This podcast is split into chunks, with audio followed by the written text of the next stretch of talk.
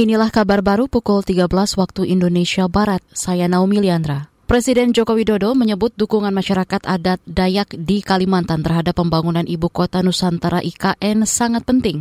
Itu disampaikan Jokowi saat menghadiri pembukaan acara adat Dayak di Pontianak, Kalimantan Barat hari ini. Karena kita akan membangun ibu kota Nusantara di Pulau Kalimantan, tentu saja dukungan dari masyarakat suku Dayak sangat-sangat dibutuhkan.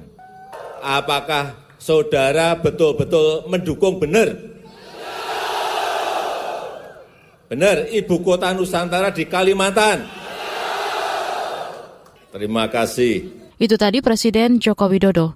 Saudara, pembangunan IKN tahap awal ditargetkan rampung pada 2024.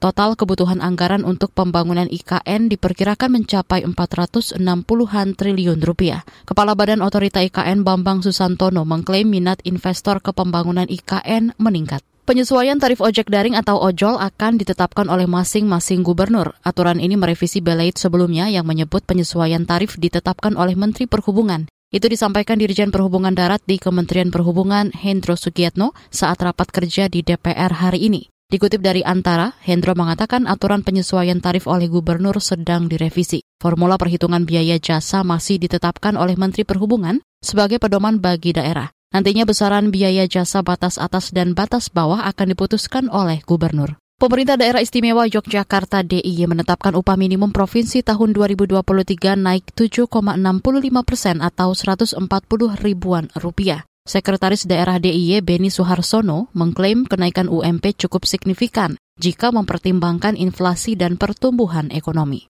Dengan pertimbangan dan rekomendasi Dewan Pengupahan, maka ditetapkan upah minimum provinsi DIY adalah sebesar satu juta sembilan ratus delapan puluh satu ribu tujuh ratus delapan puluh dua rupiah tiga puluh sembilan sen.